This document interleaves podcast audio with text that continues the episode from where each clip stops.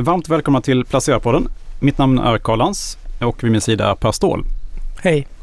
Idag ska vi prata företagsobligationsmarknaden. Vi ska få höra hur förhållandena på marknaden är nu under den kraftiga inflationsuppgången. Under pandeminedgången våren 2020 hörde vi att det var kaos på marknaderna med stora försäljningar och eh, osäker prisbild. Vi har inte hört att det är riktigt lika tufft den här gången. Men det ska vi höra mer om snart. Med oss idag för att prata om detta är Jakob Eliasson på företagsobligationsinvesteraren Nordic Credit Partners och hans kollega Cecilia Bevik Kronqvist. Varmt välkomna hit. Tack så mycket. Tackar. Jag tänkte att ni får eh, presentera er själva lite. Jag är eh, chef på Nordic Credit Partners eh, och den här verksamheten startade egentligen 2013, 14, 15 lite beroende på hur man ser Så vi har varit igång ett tag faktiskt. Eh, min bakgrund är egentligen i private equity. Så jag började mitt, min karriär på Goldman Sachs på deras private equity i London. Täckte Norden eh, med inte bara aktieinvesteringar utan även skuld, eh, fastigheter och, och infrastruktur. Eh, och efter det var jag ett par år på CVC som är en annan stor global private equity-firma här i Stockholm. Eh, men idén till NCP föddes egentligen redan under finanskrisen då när jag bodde i London. Eh, men det tog fram till egentligen 2014 innan vi faktiskt drog igång. Ja, Cecilia heter jag och är hållbarhetschef på, på NCP. Och jag har jobbat med, med hållbarhet i hela mitt arbetsliv. Framförallt som, som konsult på bland annat EY och ehm, ISS ESG. Och där fick jag den här exponeringen mot många olika branscher, många olika företag, olika storlekar och det är ju mycket det jag tar med mig in till NCP-delen. Är det en viktig del, hållbarhetsdelen? Absolut. Eh, det är ju liksom två ben vi står på väldigt mycket. Det är ju liksom en kreditanalys och så är det en hållbarhetsdel. Eh, och vi är ju tre portföljförvaltare idag. Vi behöver liksom vara sams om att vi går vidare med en investering. Så om jag säger nej utav hållbarhetsskäl så går vi inte vidare med det. Så det är absolut ett starkt ben i förvaltningen. Hur många, hur mycket nej blir det i, av universet eller hur man ska uttrycka sig? ja men det är en vanlig fråga vi får. Ja. Um, jag tror så här, nu har jag varit på NCP i två år och i början så blev det ju väldigt mycket nej. För vi såg tidigt men nu har ju våra motparter har ju lärt sig också vad vi vill ha och inte ha. Så nu har den processen blivit mycket lättare. Vi har en exkluderingslista eh, som är the usual suspects med olja, gas och tobak och spel och hela den biten. Men annars så blir det ju vi har kommit ganska långt in i en analys om det ska bli ett nej. Eh, oftast. Så att det blir liksom, det är en exkluderingslista och det är en tratt. Men den tratten är så mycket smidigare nu än vad det var för två år sedan. För att det som kommer till oss, vi har lärt oss att samarbeta på det sättet så det är mycket smidigare nu. Så hur mycket, ja svårt att säga. Men, men det blir liksom, vi har också få innehav i våra portföljer så att vi, vi liksom cherry picking väldigt mycket. Så det blir ju många nej. Det blir det ju. Eh, för att vi ska hitta de bästa till slutändan. Det som är lite intressant är att när vi fattade beslutet att vi skulle satsa liksom mer på hållbarhet egentligen då i samband med att vi anställde Sissi så så eh, såg vi att det här är en megatrend som liksom var här för att stanna. Och eh, vi har ju också sett då, om man går tillbaka och tittar på portföljen innan Sissi kom in att, att hade vi haft de glasögonen på oss tidigare så hade vi antagligen eh, sluppit ett antal problem case som vi har haft i portföljerna. Så på det sättet kan man ju se att det här skapar ju liksom, eh, det är en riskfunktion helt enkelt och det skapar liksom värde för investerarna. Så att, eh, ofta när man börjar titta på det här så uppfattar man det mer som att ja, det är någon slags eh, hygienfaktor mm. och det är det naturligtvis också. Men, men det är i våran lilla marknad i alla fall någonting som faktiskt driver värde ganska kraftigt dessutom att ha den här funktionen. Så det, det, det, det, är ett starkt säljargument också till investerarna. Och, och ni investerar på företagsobligationsmarknaden i Norden då kan man säga? Ja. Precis, och eh, den är ju uppdelad egentligen mellan Norge och Sverige kan man säga. Finland och Danmark är ganska små marknader och eh, nu gör ju inte vi någon olja och gas, det har vi aldrig gjort och det innebär att man också exkluderar en ganska stor del av Norge. Så tittar man på portföljen idag så är kanske två tredjedelar Sverige och resten Norge, lite grann Finland och Danmark men väldigt lite. Hur, om man tittar på marknaden just nu då, vad, hur påverkar den här kraftiga inflationsuppgången marknaden? Ja, den frågan får vi jättemycket. För alla som har läst eh, skolboken, de kommer ihåg att när räntorna går upp så går priserna på obligationer ner så att säga. Vi har ju en fördel i Norden och det är att nästan hälften av marknaden är ju så kallade floating rate notes, det vill säga obligationer där eh, räntan är knuten till Stibor eller eh, Euribor eller något sånt där. Och det gör ju då att Stibor stiger ju i ungefär samma takt som, som Riksbanken höjer räntan. Så att på det sättet blir man ju liksom inflationsskyddad på portföljnivå ska jag säga. Sen kan man ju tänka sig att de underliggande innehaven, om man till exempel har fastighetsinnehav, då, de påverkas naturligtvis ändå av stigande räntor och det ska man inte underskatta. Eh, men just på portföljnivån så, så blir det väldigt liten påverkan. Vi har ungefär 90% av vår portfölj i sådana här floating rate notes. Så på det sättet så påverkas vi inte. Tittar man ut i Europa och USA så ser vi att där har ju priserna fallit ganska kraftigt i år och det har ju att göra med att de har ju en tradition av att ha så kallade fixed rate notes, det vill säga att du får 5 bara oavsett ränteläge så att säga. Och då får du ju en kraftig påverkan, framförallt om man har långa löptider också. Och i Norden har vi ju inte det utan eh, många obligationer ges ut med kanske tre eller fyra års löptid. Och då blir, det påverkar ju också då eh, positivt så att säga. Mm. Men hur är det från andra sidan då? Är det, är det svårt för företag att finansiera sig på obligationsmarknaden? Ja, att komma ut som ny emittent idag är väldigt svårt. Det är nätt på gränsen till omöjligt faktiskt där vi sitter just nu. Och eh, det är ju det som gör att många bolag tittar på alternativa finansieringsmöjligheter. När vi träffar våra emittenter, framförallt i fastighetssektorn då, för det är ju den många pratar om just nu, så ser man att där finns det ju många som har bra bankrelationer och försöker utnyttja det så gott det går. Man har kanske eh, odragna linor som man säger, alltså man har finansiering på plats som man inte använt sig av ännu.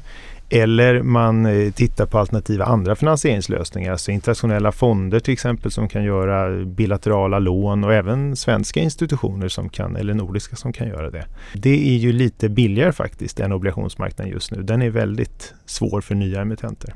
Tror du att marknaden kommer att förändras nu då? Att det blir, blir ett A och ett B-lag? Alltså de som kan låna upp och där de som har större kassaflöden än vad många fastighetsbolag har. Där, där kassaflödena är ganska, de är ju stora men det är ganska liten marginal ändå. Och de blir påverkade mer av ränteuppgången. De här alternativa källorna, jag tänker du har en bakgrund från private equity-industrin. Kan man, och det är ju fonder som fortfarande får in, det läser man ju om i tidningarna dagligen tycker jag, man stänger nya fonder och får in väldigt stora belopp. Tror du att man kommer att se möjligheten där och ta in rena fastighetsbolag eller hålla på med någon typ hybridfinansiering och så att, att marknaden förändrar sig? Ja, alltså, jag tror att eh, även private equity-branschen känner nog av att det är svårare att finansiera sig än vad det har varit tidigare, både på banksidan och eh, på obligationssidan. Så det, det, det, har man inte hört så mycket om, men det skulle förvåna mig om man inte uppfattar att det är ett problem. Och också när det handlar om att göra nya affärer, för man kan ju fortfarande vara, det kan ju vara möjligt att köpa bolag på attraktiva nivåer nu jämfört med för ett halvår sedan kanske. Eh, men däremot att få finansieringen är nog mycket tuffare. Ni har säkert följt det här Twitter-diskussionen i USA, där är det ju ett jätteproblem med finansieringen därför att bankerna har ju tagit på sig en, en, stor finansiering som man har väldigt svårt att sälja i marknaden sen. Nu är det långt ifrån där vi befinner oss men det är liknande situationer i mindre format kan ju uppstå här. Nej men vi ser väl att de som finns på marknaden idag, de som redan har bra obligationsrelationer, eh, eller relationer med obligationsmarknaden ska jag säga, de kommer nog att kunna fortsätta till viss del, även om det blir dyrare även för dem. Eh, alltså etablerade fastighetsbolag, om man tittar på de här typ Castellum eller liknande som, som ju har mycket obligationer utestående. De, de, de får också betala upp och de tittar ju uppenbarligen på andra lösningar. Kommer man som helt ny emittent idag, jag vet inte vad du säger Cissi, men då, då är det väldigt svårt. Sen är det klart att det är ett väldigt mycket fokus nu också till exempel på hållbarhet och uppnår man inte det som krävs där, då är det ju i princip omöjligt att finansiera sig. Alltså hur mycket, vad, vad betalar Castellum ungefär eller ett, eller ett bra etablerat fastighetsbolag ungefär på marknaden? Ja, det är lite svårt att säga men, men eh, många av de här som i vanliga fall, de har obligationer utestående idag som kanske betalar 1% i kupong eller sånt där. Och det är klart att de handlar idag på nivåer som är långt under eh, den nivån där de ska återbetalas, par som man brukar kalla det för. Så att det, eh, de kanske hamnar på, på 70% av par eller någonting. Och det indikerar ju att eh, avkastningen där är 6, 7, 8% då istället för, för en som det var när man gav ut. Och det visar ju att att marknaden prisar in mycket högre risk. Nej, eh, från ett hållbarhetsperspektiv så är det ju väldigt mycket fokus på hållbarhet. Det är ju EU-regulationer som driver det också. Fokus på hållbarhet från alla parter egentligen och det har varit en väldigt snabb utveckling. Jag skulle säga att just nu så är vi ju i en riskzon när vi inte har landat riktigt i de här regulationerna och exakt hur, hur man ska göra i praktiken. Så just nu skulle jag säga att det är större risk för greenwashing. För att alla måste prata om det för att det är en hygienfaktor. Men det betyder inte att alla har processer och system på plats för att hantera det. Så här är det ju viktigt att man verkligen djupdyker i bolagen och inte mm, tar vad de säger på face value. Utan att man faktiskt ställer rätt frågor och liksom eh, skrapar och ser vad som finns under ytan. Så att de kraven är högre. Och i den här marknaden då så blir det liksom en, en, en kombination eh, som ställer mycket krav på bolagen. Som gör ut, eh, vad, vad, är det för risker ni liksom eh, tar bort genom att, genom att gräva i det här så att säga? Ja, alltså så som vi ser det så är det när vi i och med att vi liksom adderar en hållbarhetsanalys så breddar vi liksom hela analysen av ett bolag så vi får mer underlag för liksom ett, ett investeringsbeslut så de riskerna som vi, hållbarhet egentligen, om man liksom bara tar bort allt ludd så är det sunt förnuft hur man styr ett bolag.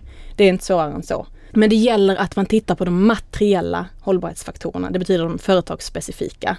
Så om du tittar på ett fastighetsbolag, då måste man titta på hela livscykeln. Och det är allt från hur de väljer mark, hur de förbereder mark, hur de påverkar eh, samhället runt om där de ska bygga fastigheten, vilka material de väljer, hur de hanterar hälsa och säkerhet i bygg och renoveringsfasen, energieffektivisering. Det är en lång lista och ställer man inte de frågorna till fastighetsbolag, men då vet vi inte att de hanterar de specifika riskerna. Mm. De samma frågor ställer vi inte till ett investeringsbolag. Då ställer vi andra frågor. Så one size fits all, det är liksom motsatsen till vad det är vi gör. Och vi kan ju ha den här ansatsen för att vi har relativt få innehav i vår fond och har liksom en aktiv portföljförvaltning. Så de riskerna vi tittar på, de är liksom operationella, djupgående och företagsspecifika. Vad har ni för favoriter inom fastighetssektorn då, som är duktiga på det här? uh, ja men Heimstaden tycker jag är duktiga. Men sen är det också så att vi är ju i ett segment i marknaden, det är ganska stor skillnad på både storlek på bolag uh, men också hur länge de har verkat. Och det är klart att är du ett stort bolag som har verkat länge så har du också haft tid att sätta upp fulltäckande hållbarhetsramverk och Heimstaden har, har kommit långt där. Eh, det har de och de har satsat på det länge så jag skulle ändå eh, lyfta dem som ett eh, gott exempel.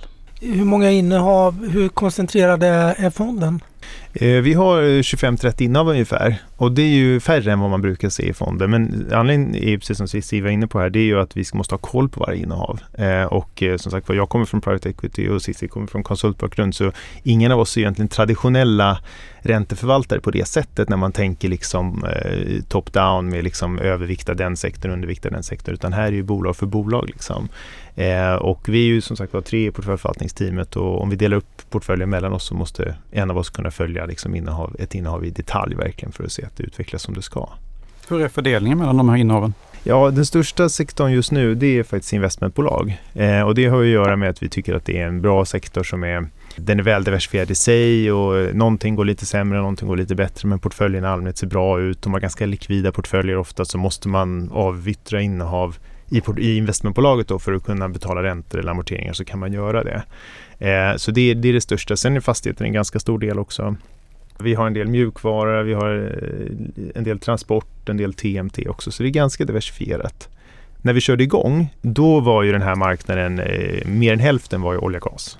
Alltså det var norska obligationer i, i, dollar sålda till amerikanska investerare. Så den har utvecklats enormt sen dess. Så det är också lite det som är det attraktiva med den. Att den, att den har blivit mycket mer mogen idag och att det finns mycket mer att välja på. Eh, det får man säga. Sen kanske man kan säga så här, nu låter det som att vi är väldigt väsiga liksom på den här marknaden och att det är stora problem och sådär. Och du var inne i början här på det här med som hände 2020. Då, var ju, Exakt, ja. eh, då gick det ju så fort eh, allting och, och eh, Riksbanken var inte heller redo att köpa obligationer. Det var lite yrvaket kanske man kan säga. Men det ledde ju till att nästan 40 fonder stängde för uttag under en period, vilket ju är liksom en marknadsmisslyckande får man ju säga. I, tittar vi idag så ser vi ju att nu när alla tillgångslag är ner rätt mycket i år eh, så har den här marknaden ändå klarat sig rätt bra i Norden. Den är ner liksom kanske 6, 7, 8 procent och våra fonder är ju, ligger nästan runt nollstrecket. Det har ju väldigt mycket att göra med de här floating rate notesen då inte minst. Så att i det långa loppet så är det här ett tillgångsslag där man kan generera aktieavkastning om man säger så, men till mycket lägre risk. Det är liksom det som är själva det attraktiva. Men då måste man göra det eh, på ett bra sätt liksom. Eh, och inte utsätta sig för massor med flöden in och ut ur fonderna till exempel. För även den skickligaste förvaltare kan skadas av att man måste ha, hantera sin fond utifrån flöden snarare än utifrån vad som är de bästa investeringarna. Vad har varit de största utmaningarna i år då? Tycker ni, om ni säger att marknaden har utvecklats och på något sätt är den ju, den är ju stressad som alla marknader i år. Jag tycker att den största utmaningen i år har varit att vi har sett ganska stora utflöden även i år. Fast man har liksom sett lite grann 2020 fast i slow motion på något sätt. Eh, och det har ju varit bra att det inte har gått så fort. Eh, men det är klart att vi ser ju många av våra stora branschkollegor har ju tappat eh, kanske 30-40 procent av det förvaltade kapitalet från, från årets början. Och det har ju att göra med att folk har tagit ut pengar på olika sätt. Eh, vi har ju valt att ha helt stängda fonder tidigare och idag har vi fonder med väldigt tröga uttagsmöjligheter då. Och det är ju för att vi inte ska behöva äh, sköta fonderna utifrån det perspektivet. Och det tror jag har bidragit väldigt mycket till att äh, man har kunnat fortsätta foka på portföljen snarare än någonting annat. Liksom. Men jag vet inte vad du säger Cissi, men det är, det, det är inte så att man känner att det har vänt eh, riktigt utan eh, marknaden är fortsatt rätt svag. Ja, nej, absolut och vi tar ju det här tillfället i akt och verkligen liksom förvalta de innehaven vi redan har snarare än att vara ute och köpa och sälja lika mycket. Så det är klart att det inte är lika mycket bolag att titta på. Det flödet är ju mer eller mindre stängt. Så vi fokuserar på, på de innehaven vi har nu och, och har dialog med dem. Det som är spännande är att det är lite grann möjligt att ta ner risken i portföljen men ändå ha rätt bra avkastning. För sådana här bolag som, som jag sa, fastighetsbolag som betalar 1% tidigare, betalar mycket mer nu. Så man kan ja, få, få, ganska bra avkastning ändå fast med mycket lägre risk. Det, det som är den stora risken i det här läget det är att eh, man känner som förvaltare att man vill gå ut och ta mer risk för det är spännande och man kan få eh, tvåsiffrig avkastning och sådär. Men det är helt fel läge att göra det i vår erfarenhet med tanke på var vi befinner oss i konjunkturcykeln. Så det kommer ju, jag menar, det man kommer ihåg, det måste, glömma, det måste komma ihåg är att den här avkastningen vi har, den motiveras ju av att risken är mycket högre nu också. Så det, det, går ju hand i hand. Liksom. Det är lätt att bara prata om att det är hög avkastning. Så När är det man ska ta mer risk då? I konjunkturcykeln alltså, enligt dig? Ja, det är ju oftast driver man på den bollen för tidigt kan man väl säga. Och vi är ju fortfarande i ett läge där vi är på väg in i lågkonjunkturen och den kommer ju komma så att säga. Eh, sen får vi se lite grann exakt hur höga räntehöjningarna blir. Men vårt intryck är ju att den här lågkonjunkturen kommer att komma från hushållen. På ett sätt. Den kommer börja där. Och sen kommer det spridas ut i resten av ekonomin. Och så är det ju inte alla konjunkturer som ser ut. Men Eh, tittar vi idag så är, håller vi oss borta till exempel från konsumentbolag. För där känner vi att det finns en stor nedsida eh, och även sånt som har med e-handel att göra. Det går ju ofta hand i hand. De var också väldigt boostade under pandemin. Så de kommer ju med jättestarka siffror in i det här. Eh, och sen också även eh, liksom tillväxtbolag, eh, sånt som har finansierats med obligationer för kanske ett och ett halvt år sedan.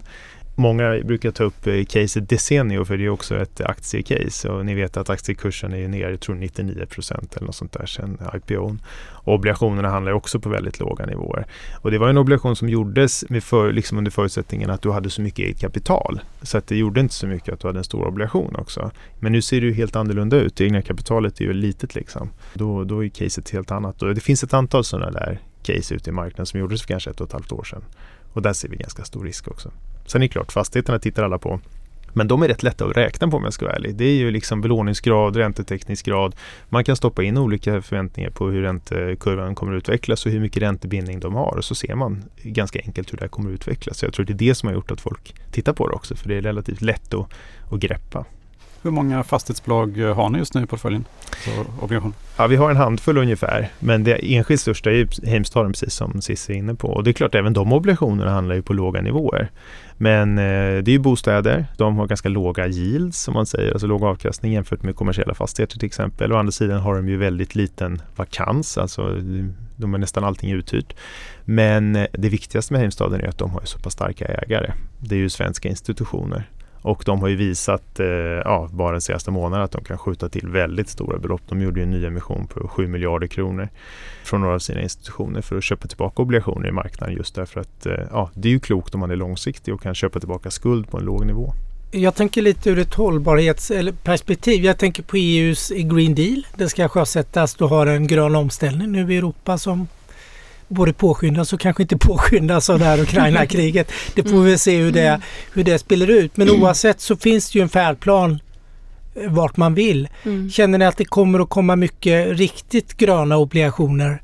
Nu snackar vi inte green, nu pratar vi för att bygga kanske mm. batterifabriker, vindkraftsparker Lite mer impactbolag nästan. Ja, då. impactbolag. Ja. Hur känner ni där? Tror ni att det kommer att se mer av det i er fond inom några år? Alltså, jag hoppas ju det eh, såklart. Jag hoppas att, att eh, den typen av bolag har eh, lättare att få finansiering och att den typen av bolag som har en lösning på en problematik som vi står inför kommer synas mer i den här marknaden. Just med gröna obligationer, så det är ingen KPI vi tittar på överhuvudtaget för att vi tittar alltid på hela bolaget och inte bara själva obligationen i sig. Jag tycker att det är ett speciellt ramverk också för att det är inte alltid att det driver värde varken gröna, blåa, sociala eller hållbarhetslänkade. Och därför tittar vi inte så mycket på det utan vi går förbi det och tittar på hela bolaget, eh, affärsmodell ehm, och, och, deras hållbarhetsrisker så att säga. Men det jag hoppas är ju att, att eh, marknaden förstår vad hållbarhet är mer och mer. Utvecklingen har ju skett som sagt eh, väldigt snabbt. Eh, när jag kom in på NCP så var det ju många bolag som kom ut och hade en slide i sin presentation om hur de länkar sin verksamhet till SDG-erna, FNs hållbarhetsmål. Det är väldigt, på väldigt hög nivå de här målen är satta och att säga att man länkar det till det, eh, det blir liksom lite tafatt. Och det handlar inte om deras verksamhet. Men från det så har vi ändå sett en, en utveckling där de är, det blir bättre och bättre. Men det finns fortfarande ett kunskapsgap överlag i marknaden. Alltså, och då pratar jag hos alla parter. Eh, så att jag hoppas ju att allt som EU kommer ut med nu, SFD, taxonomin, allt, att det driver på. Just nu, jag såg häromdagen, Morningstar har ju nedgraderat väldigt mycket artikel 9, alltså mörkgröna fonder till artikel 8, vilket är ännu ett tecken på det här med greenwashing. Att man, man säger att man gör en sak eh, men när man tittar under liksom, huven där så ser det inte riktigt ut så. Och där hoppas vi också att, eh, att FI kan granska ordentligt eh, med rätt verktyg. Jag förstår att det är en stor marknad att granska och alla är ju artikel 8 nu ljusgröna, precis som vi. men ehm, det är också ganska vaga riktlinjer i dagsläget. Så utvecklingen tydligare och så hoppas vi att det verkligen leder till att alla de här kapitalströmmarna som man läser om som är inne i ESG-fonder, att det faktiskt gör skillnad. För det kan ju vara bara en paketering snarare än att det faktiskt leder till någonting, en påverkan. Så det hoppas jag verkligen att um, alla de här nya uh, regleringarna bidrar till. Men det återstår att se skulle jag säga. Hur ska man ja. tänka om man vill investera i företagsobligationer som småsparare? Alltså? Ja, alltså problemet med att göra direktinvesteringar det är att det är ofta stora belopp. Alltså en obligation kostar en eller en och en halv miljon kronor och så ska man ha tio stycken för att ha en hygglig riskspridning och då blir det tio miljoner och då är man inte småsparare längre så att säga. Ehm, så att man behöver ju gå via fonder och det som är problemet är att många fonder är daglighandlade och det är just det där, ja då är vi tillbaka till 2020 scenariot i många fall. Så att jag tror man behöver försöka leta efter fonder där det är mer sällan, eh, där likviditeten är mindre frekvent än varje dag. Det är en väldigt viktigt första steg.